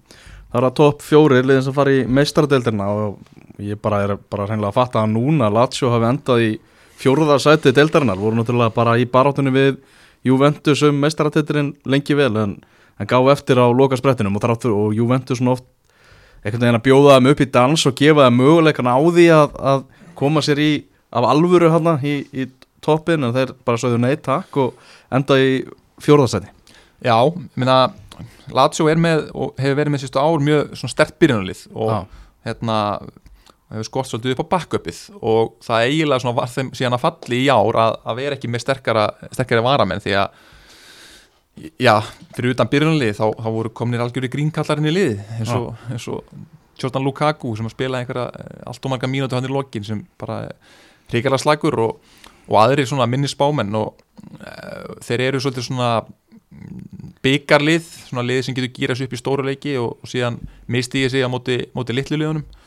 Um, þeir eru auðvitað með Giro Immobile frammi sem að varð markakongur og jafnaði hennar marka með uh, Gonzalo Higuín mm -hmm. 30, hvað er 36 mörg í tíumbilinu og var hann rétt á undan Ronaldo og þeir eh, en hérna, og, og Lazio leit mjög vel út á tíumbili en, en eftir COVID að þeir einhvern veginn hafi ekki komið sterkari tilbaka eftir COVID eh, það komið svolítið óvart. Ég held að þetta væri svona lið sem myndi kannski ná að nýta nýta þessa pásu í, í að þjappa sér saman og, og undirbúa sér undir loka sprettin uh, veist, Róm uh, og svona, svona hluta Suður Ítalíu er kannski ekki þá staði sem að var vest út úr COVID. Uh, sérlega Napoli var talað um fyrst þegar COVID koma, þeir gáttu æfta aðeins lengur en hinnir og, og svona voru aðeins, aðeins eh, verndaðari heldur en, heldur en liðin í, frá Norður Ítalíu en já, þeir kom bara hrigalega slækjir undan, undan þessari pásu og, og já, þessi, þessi skortur á breytt var þeim algjörlega að falli og er algjörlega þeim sjálfum að kenna. Þeir, þeir eru auðvitað ekki mikla peninga. Hafa Mhm. verið að gera bara svona smart smart transfers uh, á síðustu árum. Tímabil, eh, sumar þá keftuður einn leikmann. Og þegar það vantaði einn hægri bakvörð þá keftuður einn hægri bakvörð og, og ekkert meir. Enga, engin rótering eða ba- backup hugmyndir eða neitt. Þannig að þeir geta svolítið sjálfum sér kent en, en fjórðarsæti, meistaraðild í, í fyrst skiptin okkur ár, það er auðvitað gott tímabil. Og, og þjálfarinn líka orðin eftirsóttur og var, var orðaður sterklega Simónin Saki við, hérna, við Juventus þjálfara kikið Mm, svo bara bæta við og, og auka breytina fyrir, fyrir slæðin á, á komandi tímabili Já, og þeir, þeir, tekst náttúrulega þetta ótrúlega að halda í sína bestu leikmenn ótrúlegan hátt að einhvern veginn, Aha. ég ætla kannski er það að þeir hafa ekki verið í Evrópu ég veit að sem Róma Sturismöður þekki það að Já. út af financial fair play reglum þá þurfum við alltaf að selja leikmenn til að jafna balansa budgeti sko og að vera að missa alltaf sína bestu leikmenn og meðan Lazio með Milinkovic Savic með Immobile með hérna, Luis Alberto og, og, hérna, og fleiri. Þeir hafa alltaf náða að halda öllu sínum bestu leikmennum eini leikmenn sem þeir hafa mist á síðustu fimm árum sem þeir hafa mist gegn sínu vilja það er uh, Stefan De Vrij sem fór til Inter. Það, annars hafa þeir ná, náð að halda leikmennum ef þeir hafa viljað það. Þannig að eh, ef þeir ná því áfram eins og Milinkovic Savic, ég sé ekkit fyrir mér að hann sé að fara endilega í sumar uh, hann var skrifandi nýjan samning uh, út af COVID eru, eins og ég sagði hann, eru líka ekkit með það mikla fjárhæðir að þeir séu tilbúin til að eða einhverjum, einhverjum mörgum, mörgum 20 miljóna í, í Milinkovic Savic. Þannig að ég held að þeir munu bara já, reyna auka breytina. Þeir eru þetta orðaði núna við David Silva. Já, mjög sterklega, það bara virðist Já, nánast vera dönn díl bara svíin og eftir að mæta. Já, og ég veit ekki ég veit ekki, ég held að sé bara jafn gáttaður og þú sko, akkur, Já. hvers vegna hann er að fara þangað en ég held að hljóta tengjast í að þeir sé að bjóðunu lengri samning heldur en aðrir. Mm -hmm. þeir að bjóðunu þeir gera samning og meðan annars staðar er hann kannski að fá stittri samninga og, og hann kannski vill heldur ekki ennþá fara til, til hérna Arabíu, eitthvað svo leis ég, ég get ekki lesið öðruvísi. Maður held að hann væri að fara til Katar eða eitthvað. Það er bara í, og meistaradelt Evrópu áfram og mikið stuð. Já, þetta er svona, mér lí- líst ekkert á þetta sem Rómastunismanni en það, þeir eru svo með Luis Alberto í sömu stöðu, þannig ég veist ekki alveg hvernig þeir að reyna að balansa þetta en þeir, þeir hafa eins og ég gert margt rétt á síðust árum og ég held er, það er spennandi að fylgjast með þeim og, og, og margir fínir leikminn hann sem þeir eru með mm -hmm. Heyrðu þú var að Atalanta sem aftur fyrir í meistaradeildina endar í, í þriðja sæti og náttúrulega bara voru hásbreytt frá því að slá PSG núna í, í vikunni voru aðeins bensilausir hérna í, í lokin strákanir en þeir síndi það á þessu tímabili að þessi árangur í fyrra sem var talað um sem svona eitthvað ævintýri var engin, var engin tilviljun. Nei, nei, og þetta eru þetta allt sem má reykja þetta allt til þjálfarnas, Gasperini ég meina, hann tók við liðinu 2016 þetta búið kannski búið að fara yfir þessu sögu áður en hann tók við liðinu 2016 mm. uh, lið var bara neðri helmingslið sem að uh, býr til unga leikmenn og, og ekkit meira, hefur aldrei verið að, að nálagt rauninni efur upp í keppni síðustu ár og verið svolítið svona ekki, ekki grínklúpur en svona klúpur sem hefur ekkit metna fyrir öðru heldur en að vera bara með að búið til unga leikmenn og hann kemur hann inn og eftir einhverja fjóra-fimm umförði þá er liðið bara í, í fallseti og hefur ekki unni leik og allir búast við því að þjálfvarðin sé bara frá rekan Gasperini, mm -hmm. hann var, var nýbúin að klúðra tækifærin síni hjá Inter og var kannski á svona low point í sínum þjálfvarðarferli Fossetin bara Perkassi, hann gerir bara hér óvænta og segir bara, þú verður bara áfram og þú bara spilar á ungu leikmennum þess að það eru ungu leikmenni sem að er að standa sér vel og það eru gömlu hjálkar hérna sem að einhvern veginn eru bara nennisíki þannig að þú fær bara fullt leiði hjá mig til að nota ungu leikmennina og þá bara tóku við eitthvað svakalegt raun og sko við bara leikmenn sem þeir hafa mist á síðustu árum, selt fyrir háa fjárhæðir þeir eru með Mattia Caldara sem var seltið til Juventus strax, Gagliardini til Inter, Bastoni til Inter sem er búin að vera byrjulismæður hjá Inter núni ár uh, Andrea Conti til AC Milan Frankessi til AC Milan Brian Cristante til Roma. Þetta er allt hérna, landslýsmenn mm. eða ítalski landslýsmenn sem þeir hefa mist frá árunni 2016 samt bara finna þeir einhverja ótrúlega gullmóla sem þeir skáta í mikið í kannski, Belgíu og Hollandi sem að bara kom inn og veit enginn hverju þetta eru og þeir alltaf bara spila eins og þeir hafa aldrei gert annað heldur en að ofurlóta kantana og einhvern veginn skora hundra mörg sko. Þannig að Eh, já, það má reykja þetta allt heldur mikið til Gasperini og hans hugmyndafræði. Já, maður heyra svona þjálfvara nördar og þeir sem eru mikið fyrir, fyrir taktík og svona þeir, þeir finnst gaman að grúska í þessum gur, Gasperini. Já, og það er líka mjög bara, hann auðvitað var með Genoa sínum tíma og kom Genoa í, í hérna Evrópu fyrir nokkru mánu síðan þegar hann var með Tiago Motta og Diego Milito áður en þeir voru hérna fóru til Inter og unnu, unnu þrennuna. Mm. þá kom einmitt áttan svona stórkostið tímjömbil og Genoa spilaði fallega fókbalta en mann hefði svo bara svolítið glimt í hvað hann er var, góðu þjálfari, hann er sérna bara átti erfið tímabil með sem Palermo og með Inter og enginn var að búast við neinu en, en það sem var búin að gera við þetta Atalanta-lið er ótrúlegt og um, þetta, við erum einhvern veginn alltaf komið annað röndótt lið frá Norður Ítalíu hérna í topparátuna. Þeir eru, þetta, eru frá Bergamo sem kom mjög illa út í, í COVID eins og hefur verið mikið talað um, þetta er borg hana, fjallaborg rétt, rétt hjá Milano mm -hmm með þess að ef þú flýgur með Ryanair til Milano þá lendur þú í Bergamo þeir kalla það Milano ah. svona svipað að ef þú flýgur til Vínar með Ryanair þá, þá lendur þú í Bratislava í öðru landi sko, þetta er svona að vera að tegja húttæki hérna. mm -hmm. en þetta, já, e, og svona þetta þýðir, þetta er klúpur sem að þetta er eini klúpurinn í Bergamo þetta er svona one club hérna bær og e, stuðnis, mjög, mjög harda stuðnismenn e, sem að styðja 100% upp um, um eigandan og, og þjálfvaran og, og leikmennina Uh, þetta verið mikið talað um Josip Ilicic núna uh, síðustu ár, nei síðustu hérna, síðustu vikurnar, mm hann hefur ekki spilað fókbalta síðan frá 11.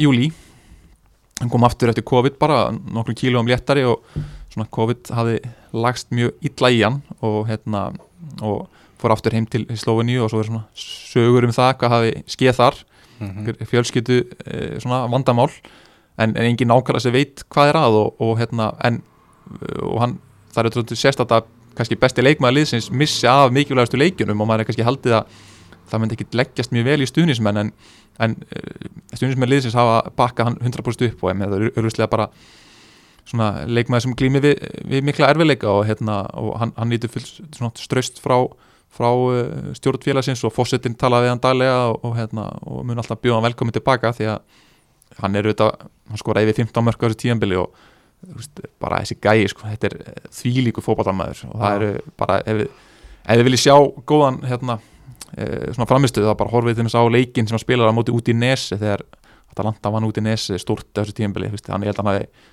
skora fjögur og lagt upp tvö og bara að horfa hann spila fókbalta, hann er eins og sé bara allt annar í plánutu stundum sko.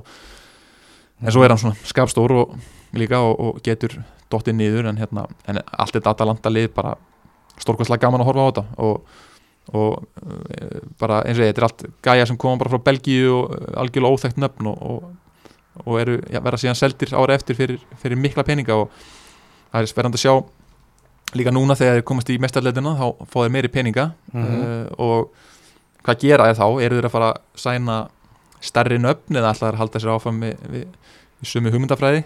Uh, bara svona aðeins til að sína kannski hvaða level þeir eru að horfa til. Þeir eru orðaði núna við Memphis Depay Mhm. frá svona, sínir svona aðeins leveli sem þeir eru að, að skoða. Uh, og ég, einhvern veginn, maður trúir ekki öðru heldur en að þeir muni ég bara selja nokkra leikmenn og, og fá aðri í staðin og, og einhvern veginn halda bara sama leveli. Þetta, er, þetta lítur mjög vel út eins og er og, og svona, þóttir hafið dottið svolítið harkalega út þarna á móti, móti PSG þá, já, þá, þá eru þeir ennþá svona liði á, á uppleið virðist vera. Um, ég, svona, ég tala svolítið um það að þeir það var kannski að tala nógu um það í eitt hengslu vinna leik við PSG að þeir eiga til að tjóka í, í stórun leikum um, þeir töpuðu byggarústaleiki fyrra á móti Lazio uh, mjög harkalega 2-0 eftir að hafa verið miklir hérna, favorites fyrir leikin og allir byggust við að þeir myndu bara valdi við Lazio liði Mhm. en þar einhvern veginn Gasperini hefur ekki fundið formúluna í stóru leikjunum Já. um, og svona kun, brást mjög ítla við og hefur brúðist mjög ítla við í leikjum bæði svona in-game management og líka bara í fjölmjölum eftir leiki. Hann kann hvorki að vinna nýja tapa einhvern veginn. Hann er svona svolítið ekkit sérstaklega sympatískur náungi. En hérna þurf, það er svona næsta skref sem þeir þurfa að taka. Þeir ætla að verða alvöru toppliða. Þeir þurfa að, að mæta í þessar stóru leiki og klára þá. Eins og eins og til dæmis Juventus leikur um þessu tímambil þess að þeir fá á sig tvö auglaleg víti eh, einhvern varvíti sem að bæði svo sem rétt að mínum að en svona algjör eh, klaufa eh, mistök sem einhvern veginn þess að þeir í leik þess að þeir áttu þetta bara skýrið að vinna sko. Mhm. Förum upp í annarsætið Þar er Inder Náttúrulega með uh, ansi, mörg stórnöfn í, í sínum herbúðum Allt frá stjóranum Antonio Conte og, og til leikmanna Alexis Sanchez áfram Já, Það eru margir stjórn sem mannsættur nættið sem fagna því að, Inder hefur dröll að trúa því að hann geti, geti fært um eitthvað já það er, ég verð að segja að það komið svo óvart. Sansis var svo sem, það er fín á þessi tímambil á köplum en hérna varstu meittur mm -hmm. en það komið svo óvart að þeir hafi eitt miklum, pe- ef þeir eru að eða miklum peningum í hann sem að, sem að maður svona býst við að því að hann var svo háum samning og, og þannig mér átti hann kannski ekki alveg svona, svona mikilvæði fyrir liðið að þeir uh, myndu eða svona miklum peningum í hann. En kontið þetta þetta leit vel út í byrjun. Þeir, voru svona með í topparátunni og svo einhvern veginn duttið svolítið mörgum stigum eftir Juventus og þeir hafi enda stíi á eftir þeim þá, þá voru þeir einhvern veginn aldrei í sjens í lokin. Juventus tapaði síðustu þreimur af fimm leikjum og voru einhvern veginn búin að lokka sér svolítið út úr deildinni bara. Mhm. en hérna Conte er hann er harður húsbóndi og erfitt að svona eiga við hann. Hann hefur verið að, að hérna, ræskja sig vel í, í fjölmjölum undanfarið. Sko, og svona hérna, margir sem að verið að tala um að hann sé á leiðinu út en ég held hins vegar að hann sé bara að reyna að halda stjórn félagsins algjörlega á tánum. Hann er hrættur um það að, að, þeir eru með fínt lið núna og fínt byrjunlið hann er hrættur við að hérna, stjórnin sé kannski svolítið of sátt við uh, gengi liðsins og sé svolítið svona allir bara mæti næsta tímabil með sama lið og, og, og telli það sé nógu gott. En hann vil bara ennþá meiri breytt og er að pressa á ennþá stærri hérna, sænings fyrir næsta tímabil. Þannig að ef, að ef að þeir bæta við sér einum tveimur stórum leikmönnum þá, og, hérna, þá held ég að þeir geti alveg gert alluga tillinum á næsta ári sérstaklega ef að Juventus myndi eitthvað gefa eftir eins og, eins og þeir gerðu svolítið þessu tímabili. Uh, þeir eru orðaðið mikið við, við Sandro Tonali frá, hérna, frá Brescia. Um, líka orðaðið við Messi hvað sem, hvað sem til er í því sem ég held að Mhm. þetta sé ekkert mikið til í því. Næ, ég held ekki þetta er svona dag, þeirra dagdreima þeir eiga svolítið til, þeir voru auðvitað mikið orðaðið við Luka Modric í fyrra en svona, það, auðvitað á endanum þá kom hann aldrei og, Mhm.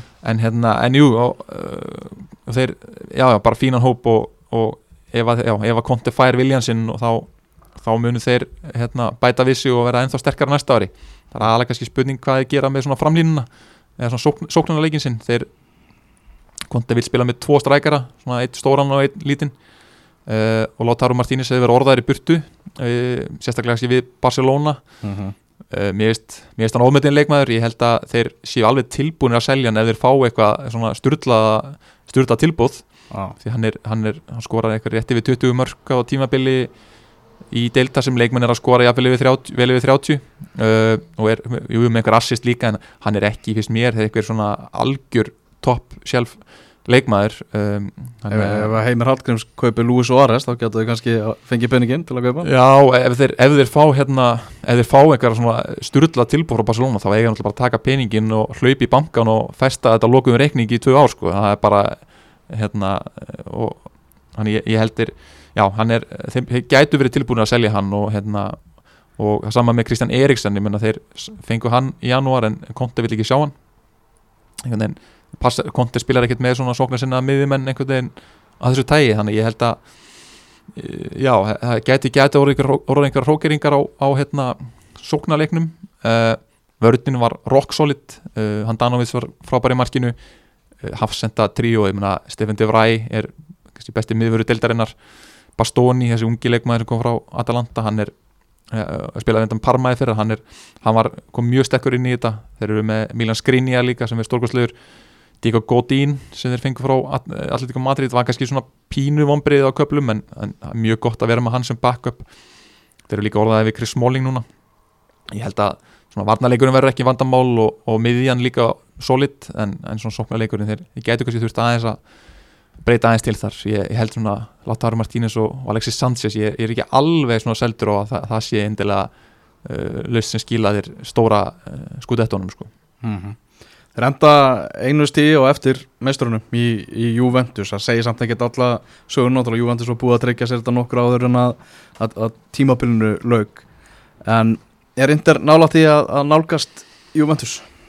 Já, ég held að ef, ef, ef þeir fá, ef þeir styrkja sig í sumar mm. uh, og svona haldi haldi í konta, ég held að hann sé algjör fórsönda fyrir því að þeir geti gert allavega tillinum ég held þeir verði að, að þóla þetta hérna, þessar ræskingar hans í fjölmjölum þegar hann er bara að halda þeim á tónnum og, og ég held þeir ef að þeir halda honum og bæta styrkja hópin aðeins þá held ég að þeir geti gert allavega tillinum á næsta ári. Hérna, og þeir séu líklegast kandidatin í það, ég sé ekki alveg að önnulið sé að fara sé að fara að gera það, þetta er auðvitað klúpu líka með auðvögt við sko Lazio og Atalanta og Napoli þá sem að hafa verið kannski baróttu og, og Róma sem hafa verið titilbaróttu við Juventus áður síðust árum og klikkað. Mm -hmm. þá er Inter klúpur með sigurhefð.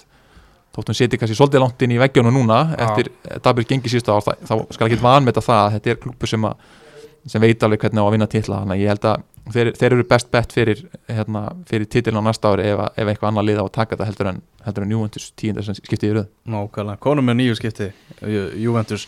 Uh, fara í gegnum þetta tímabil og annað tímabil í röð hjá þeim þar sem að stjóri sem gera það að, að Ítalíu meisturum er sem látið taka pókan sinn að loknu tímabilinu, nú eru þeir bara orðnir það vanir því að vinna þennan titil að nú er bara meistaradeildin orðin bara krafa hjá þeim, það, það er ekkert flóknara en, en, en það. Þetta tímabil hjá Juve náttúrulega hafa oft verið miklu meira sannfærandi, Þeir fara hérna í Já, ég farið gegnum ansi marga leiki án þess að, hvað, tól leikir? Án þess að ná að, að, að fagna sér Já og bara spilamennska liðsins uh, það er ekki að sjá að, að Sarri sé að þjálfa þetta lið. Um, Sarri er þetta með mjög, mjög skýra hugmyndum hvernig hann vil spila fótbolta Já, og mjög sérstök ráðning til að byrja með. Fyrst alveg þetta sé þjálfari sem hefur þjálfað Napoli og svona su suður ítalsku liðin. Þannig, þetta er ekki maður sem mætir í jakkafötum á hliðalínuna með hérna og er grótarði, grótarði þjálfani sem, að, sem er hafa áður verið með. Þetta var svolítið svona umdeld ráðning. Síðan var hann alls ekki með leikmannahópin til að spila sinn fótbolta. Já, uh, þeir hafa verið að sæna á frí transfer Emre Can og Aron Ramsey og Rabiot sem að og enginn af þessu leikmennum einhvern veginn maður veit ekki hver er besta staða þeirra ef þú skoðar, skoðar hópin hjá Juventus og beður um að stilla besta byrjunarliðinu það, þú veist ekkert hvernig þú vilt stilla þið upp. Ég, ég hef ekki hugmynd um hvernig ég myndi Nei. stilla því upp, hvorki sko hvernig hvaða leikmenn myndu spila nýja leikjari. Þannig að og hún, hún ná, náði kannski ekki sérstaklega vel heldur til leikmann eins og Ronaldo. Um, ég veit ekki leikmann sem, að, sem að hendar inn í Sarri kerfið. Þannig að hann var látið að fara eftir tímabilið og, og þessi um, skrítna ráning að fá Andrea Pirlo sem þjálfara uh, vakti mikla aðtegli það, hann hafði ekkert verið orðað við þessa aðalþjálfara stöðu hann var auðvitað ráðinn þjálfari U23 liðsins fyrir, fyrir tíu dögum áður en hann var ráðinn aðalþjálfari. Hann er ekki með þjálfararéttindin sem þarf. Hann, að, hann situr á skólabekk núna með, með Luca Toni uh, í Coverciano á Ítalju og mun klára núna námið sitt í, í oktober Luca Toni var einmitt í fjölmjölum að segja Pirlo sé alltaf skoða svörin á svo prófum og, og stela leikjærinu hans en hérna en hann Mm. verður aðaþjálfari og mun sennilega, sennilega munu þeir ráða einhvern aðstúðaþjálfara sem er þá miklu reyndari. Uh, það verður talað um Aurelio Andreazzoli sem að gammal aðstofamaður Spalletti og þjálfaði Empoli og svona eldgammal refur sem að mun þá vera honum til hals og trösts um, en þetta er auðvitað algjör, algjört wildcard. Ég menna uh, þeir, þeir eru að reyna það, sem, þeir eru að reyna að gera er svona auðvitað að fá þetta sítan effekt leikmaður sem er stutt síðan spilaði leikin sjálfur. Hann er með nafn, hann er sigurhefð og hann á að ná til leikmanna betur heldur en Sarri. Uh, Agnelli talaði fyrst við Ronaldo þegar hann fekk þessa hugmynd að ráða Pirlo. Að það á að vera búið að ganga frá því að, að Ronaldo sé sáttur. Uh, það hefur hefur verið talað svolítið um Ronaldo hvort hann sé að fara eða ekki en, en þeir myndi ekki ráða Pirlo ef að kemur síðan í ljósa að Ronaldo var ekki hrifin af hugmyndinni en uh, já, þeir, þeir, það mun örgulega fara í gang ákveðin hinsun uh, hjá Juventus í sumar, þeir eru búin að selja Matuidi, þeir eru að losa Kedira Douglas Costa er senn á leiðin út Gonzalo Higuín uh, Rugani, De Chilio jafnvel Alex Sandro bakverður þetta er allt leikmenn sem, sem að eiga sennilega ekki framtíð í Juventus. Uh, svo er óvissa með eins og Aron Ramsey. Uh, Pirlo hefur áður svona er, hefur, hefur auðvitað verið hérna, álitskjafi í fjölmjölum á Ítalíu og á Sky Ítalja og hefur ofta ekkit verið mjög hrifin á Aron Ramsey þannig að það var svona strax fara að spekulera að þeir myndir losa hann en, en hann fæði sennilega samt tækifæri til að sanna sig. Og það þeir hafa þá verið orðaðir við leikmenn inn eins og Lacazette frá Arsenal og hérna Raúl Jiménez frá hérna Wolves. Svolítið svona, svolítið, kemur svolítið óvart. Um, og Milik frá Napoli Isco frá Real Madrid er svona draumaleikmaður sem þið vilja fá en hérna það verða, það verða mikla hreyfingar hjá Juventus og, og bara mjög spennandi að sjá hvað hvað Pirlo gerir við þetta lið. Hann, hann er algjörlega óskrifa blað, það veit engin hann segist þurfa að spila 4-3-3 það er eina sem, sem við vitum um hann sem er ekkit Mhm. sérstaklega mikið. Uh, og ég held að aðalega verður mest spennandi að fylgjast með miðjunni þeim, hvað er gýr á miðjunni, hver verður? Mun hann setja einhvern í, í sína stöðu? Mun hann finna einhvern nýjan Pirlo eða, eða mun hann spila með einhvern veginn tvo djúpa eða þetta að það sé svona langmest spennandi sem að uh, framöndan hjá Juventus, það er hvernig verður þessi miðja því að þeir verða að finna sitt besta byrjunlið það er það sem Allegri gerði alltaf á hverju ári þegar hann byrjaði eh, einhvern veginn sem óskrifa blað og einhvern veginn og svo í janúar var hann búinn að finna taktin var búinn að finna sitt byrjunlið og þeir unnu bara alla leikin 1-0 eftir það. Uh, en það, þetta gerist aldrei hjá Sarri og, og þannig að þetta er, þetta er mjög spennandi að sjá. Og fósettinn, Anjali hefur talað líka um það að meistarleitin er ekki draumur fyrir þá, heldur markmið. Þannig að það er augljóst að þeir eru að leggja mesta púður í meistarleitina uh, og jafnvel þóttir jafnvel þóttir tapi í deildin eitt skipti þá, þá er það meistarleitin sem er markmið. Það var ástæðan fyrir því að þeir ná- náðu í Ronaldo. Það var ekki til þess að hann myndi skora 35 mörg í, í deildinni sko. það var til þess að ná í meistarleitina þannig að það er við- eh, á algjörlega möguleika á næsta ári ef að, ef að hérna, Missir innbytninguna Tímabilið hjá Ronaldo hvernig, hvernig var hann á þessu tímabili á heildina litin Við vitum náttúrulega að hann er frábær, geggjaður leikmaður og já, já, og stó, stórleikja leikmaður Algjör. en þú veist, hann var fín mm. um, hann eins og þetta sést að það veri í sarri liði sem er svona possession lið en þegar hann er einhvern veginn aðalega bara mætturinn í tegin að skora. Mm Þú veist, hann, hann, hann tekur ekki menn á með sama hætti og, og hann er miklu minna reyfanlegri og það þurfa aðri leikmenn kannski í kringum hann að hlaupa meira -hmm. en, en hann, var, hann var góður en, en ég, hef, ég hef séð hann oft betri og, og veist, af þessum 30 og eitthvað mörgur sem hann skoraði þá eru 10-12 að þeim úr, úr vítaspilnum og það er sem ekki að vera að því en hérna, þetta er svona hann, hann en, uh, já, bara hann, hann ger, það er svona erfitt fyrir þá að púsla saman liði Dybala var kannski sá leikmann sem dró vagnin meira í, í Mhm. deildinni uh, var svo leikmann, þegar leik, liði lögðust djúft gegn Júventus þá var hann einhvern veginn leikmann sem gætt broti línur og, og svona uh, verið með hann X-faktor og, og ég held að Dybala verði líka áfram. Hann hefur verið í burtu en ég held að hann verði klálega líka áfram. Uh, því að þeir missa hann og halda Ronaldo þá einhvern veginn, það vantar svolítið kreativity í lið Dybala. Hann hefur kannski alveg náð upp í stóru leikjunum í mestarleldinni en í deildinu þá er þetta algjör, algjör yfirbyrða maður og, og bara algjör X-faktor sem að Juventus þarf að hafa í þeir ætla að vinna deildina Mm -hmm. Heyrðu þarna, ef ekki að vinda okkur í úrvalslið tímabilsins Já, hérna, byrjum bara í markinu Já.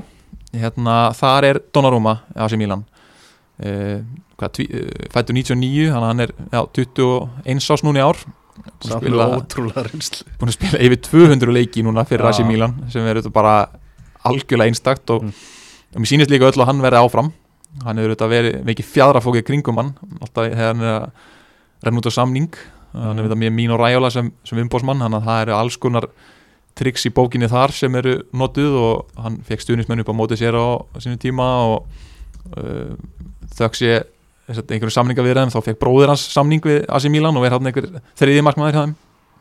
En hann, er, hann fann sig á þessu tímabili og bara síndi að hann er besti shotstopperinn í dildinni og hann er alltaf líka að vera skár og skár í, í fótunum. Þannig að hann, hann tekur þessa stöðu í, í lið ásins sem er mm -hmm.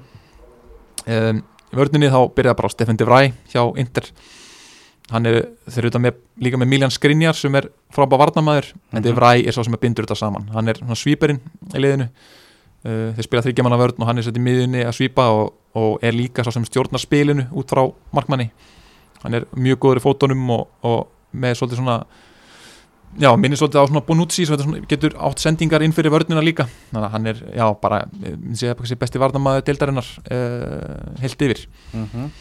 uh, og með honum þá set ég uh, Francesco Acerbi hjá Sassuolo.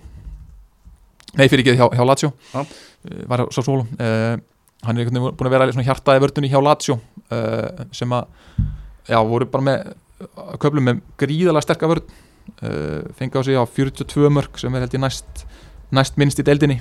Og já bara stór og sterkur og líka lúmst góður í fótunum. Þótt hann sé svona stór, og lítið svo út fyrir alltaf klunalegur þá var hann bara frábæð varnamæður og uh, þriði hafsendin þá ætla ég að hafa Bonucci.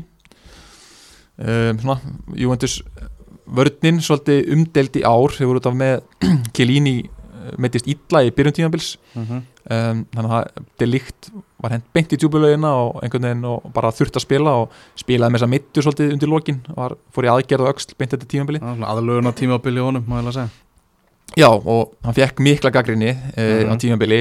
Uh, var svolítið klöfsku svona inn á milli og skorti kannski svona alveg þetta svona fína tött sem að sem að Júmundis varnamenni þurfa að hafa. En eh, að því sögðu þá finnst mér líkt algjörlega svona eh, hafa nánastæði stundum með það væntingar sem ég hafði til hans Já. mér finnst hann svona einn á einn gríðalega sterkur og, og svona sér svona smá klaufaskapu sem sem hann þarf að hlaupa af sér þarf að hlaupa svolítið af sér hotnin eins og hérna eins og oftar að gerast, en hann er, mm. hann er alltaf ungur en, en Bonucci var við hliðin á honum og mér fannst Bonucci á köplum alveg, alveg frábær og sá sem, ef það var ekki fyrir hann við hliðin átti líkt, þá hefði þetta eh, geta endað talsveit verð hjá, hjá Juventus Mhm.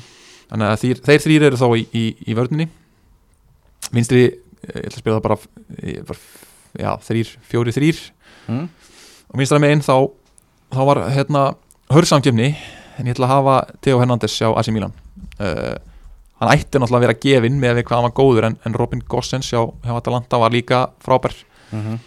um, svona svolítið, svolítið öðruvísi leik, leikmaður en hérna Theo Hernandez með hennar hraða sinn það er alveg ótrúð að sjá hann sko í skyndisóknum þá gastu bara pingaboltan á hann og hann, hann lappa fram með þrejum fjórum og eh, mikil ógna á honum sóknarlega og, og varnarlega svona já, slapp, slapp uh, til betur en ég þorða að vona ég held að hann væri þá svolítið svona liability varnarlega en, en það, það slapp alveg og, og þannig er þeir sem Mílan alltaf komin með, með svona já, heimsklassa leikmann í, í vinstra bakvara stöðuna hjá sér Mhm.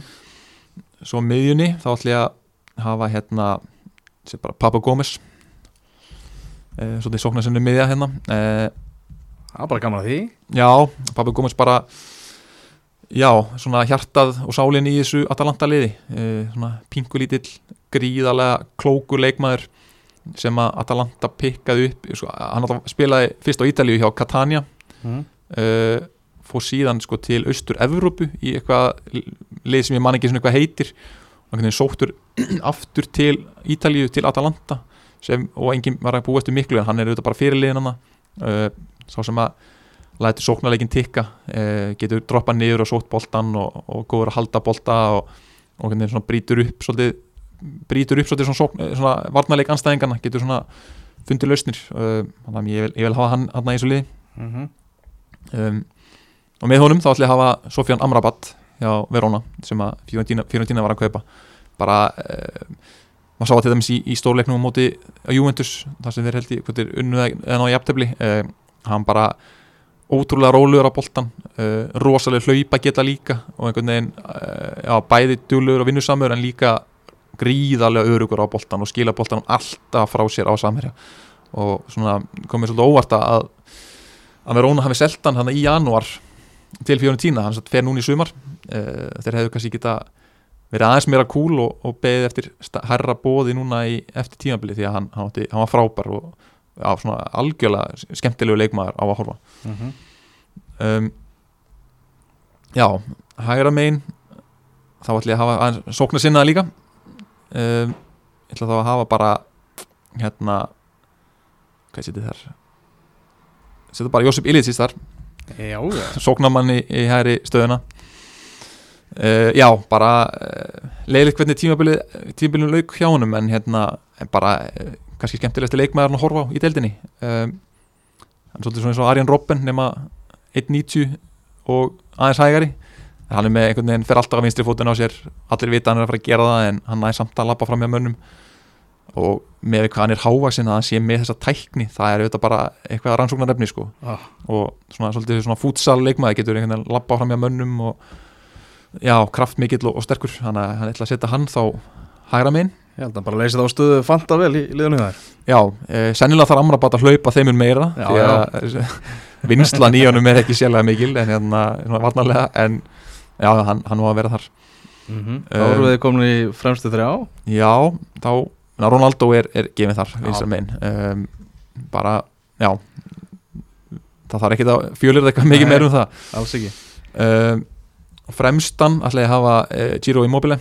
Hann hefur þetta jafnað þetta marka með uh, Higuins og bara eh, já, svona strækir sem að er búin að finna sína hillu. Uh, hann er ekki að fara í starra lið held ég og er ekki, því sem hann muni fíla það. Hann fíla bara verið liða sem hann er svolítið kongurinn hann fær að spila þrótt verið að hann kannski eigin okkar slaka leiki. Um leið og hann fær, kemst á rönn þá er hann bara solid markaskorari og, og, og svona fór fyrir þessu, þessu Lazio liði sem, sem að skoraði talsvölda mörgum mm -hmm. uh, var þetta með Luis Alberto fyrir aftan sig sem að ég hefði getað sett svo í lið ásins líka því að hann var svona stó, uh, held ég stóðsningahæstur eða næst stóðsningahæstur mm. uh, Bara bara á bekkinu þar já, hann fyrir á bekkin og hérna bara stórkvæslegur svona, slúttari og hérna, já, mikilvægur fyrir Lazio. Og hægra megin þá ætla ég að hafa ég set bara Lukaku þar. Það er svolítið óhefbundi bara. Ég, já, ég, mm ég veit ekki, Lukaku bara kom með svona nýja vitt inn í veist, hann er fullkominn Antonio Conte leikmaður. Um, getur svona postað upp leikmenn, sá bara hérna eh, leikina hjá hann með Evrópu, þú veist, ef hann Já. fær bolta með mann í bakið, þá er það bara eins og að posta upp á leikmann í körubolta, sko, hann bara kemst engin nálátt honum. -hmm. og ef maður skoða líka hvernig Conte vill spila þá, hann er svo fullkominn í þetta kerfi því að Conte fór á EM með Ítalíu 2016, þar sem hann spilaði með sko, Graziano Pelle frammi Já, sem að hérna, er bara svona ákvæmlega þessi típa leikmann Mhm. er bara góður í link-up spilinu postar upp leikmenn og er bara skilar sínu hlutverki. Uh, þannig að já, ég ætla að setja, setja hann hérna, hérna hægra megin, þetta er svona svolítið í, í sóknar sinnaðari kantinum. Þannig séru sé, fullt, fullt af fullt af góðum leikmennum sem að gera tilkall. Það eru hérna Nangolan var góður hjá, hjá Cagliari og þetta upp á leikmaðurinn minn og og Luis Alberto hjá Lazio og, og fleiri sem að gera stert tilkall og, og fleiri eru út að landa þetta en, en ég ætla að hafa þetta svona sóknar sinna já, mér líst vel á þetta Hver á að stýra þessu liði? Herru, það er uh, Æ, Gasperini það er Já. bara að ná meistardöldasætinu og svona uh, þessum árangri í meistardöldin líka Mm -hmm. uh, meistardöldin byrjaði ekki vel hjá þeim Nei. það gleyma eitthvað sem margir en þeir, þeir töpuð vistu þremur leikjunum í meistardöldinni áður þeir fóru áfram. Já, umræða var einmitt bara, heyrðu, þetta er alltaf stórt svið fyrir þá. Já, og sko fyrsti leikur þeirra bara, það er ekki kannski margir sem mun eftir því en fyrsti Já. leikur þeirra í meistarleitinni á móti Dínamót Zagreb það er versta framistaða sem ég séð hjá liði í meistaradeild bara í nokkur ár. Og það er bara þá er ég að tala með taka með öllu þessi djóklið sko.